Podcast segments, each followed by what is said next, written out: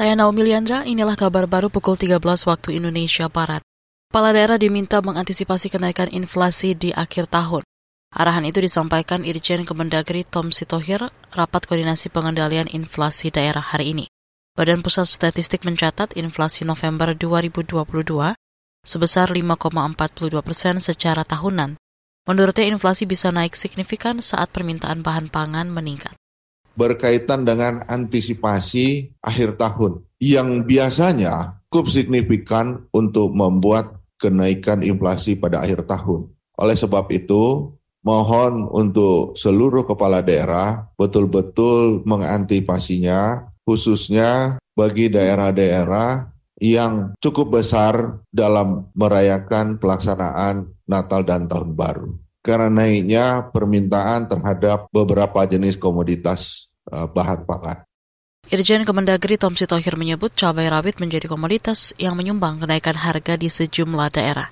Dia meminta para kepala daerah merealisasikan belanja tak terduga atau BTT dan bantuan sosial untuk menekan kenaikan inflasi.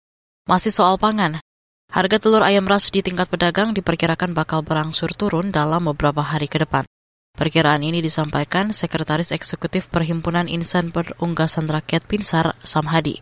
Kata dia harga telur di tingkat peternak sudah turun sejak 6 Desember lalu.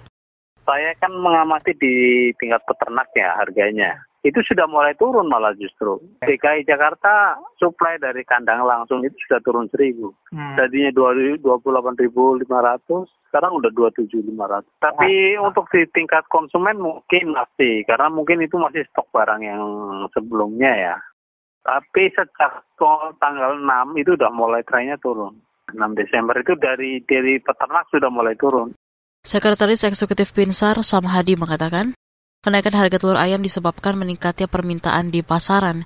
Dia menjamin ketersediaan stok telur hingga Natal dan Tahun Baru atau Nataru aman.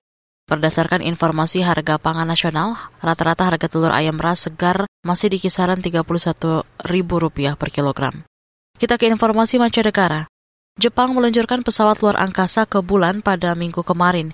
Ini merupakan peluncuran pertama yang dilakukan perusahaan swasta di negara itu, iSpace. Dilansir dari antara misi Hakuto Air, besutan Ice Bear itu bertolak ke bulan dari landasan di Florida, Amerika. Pesawat itu berhasil meluncur usai dua kali mengalami penundaan karena ada pemeriksaan roket.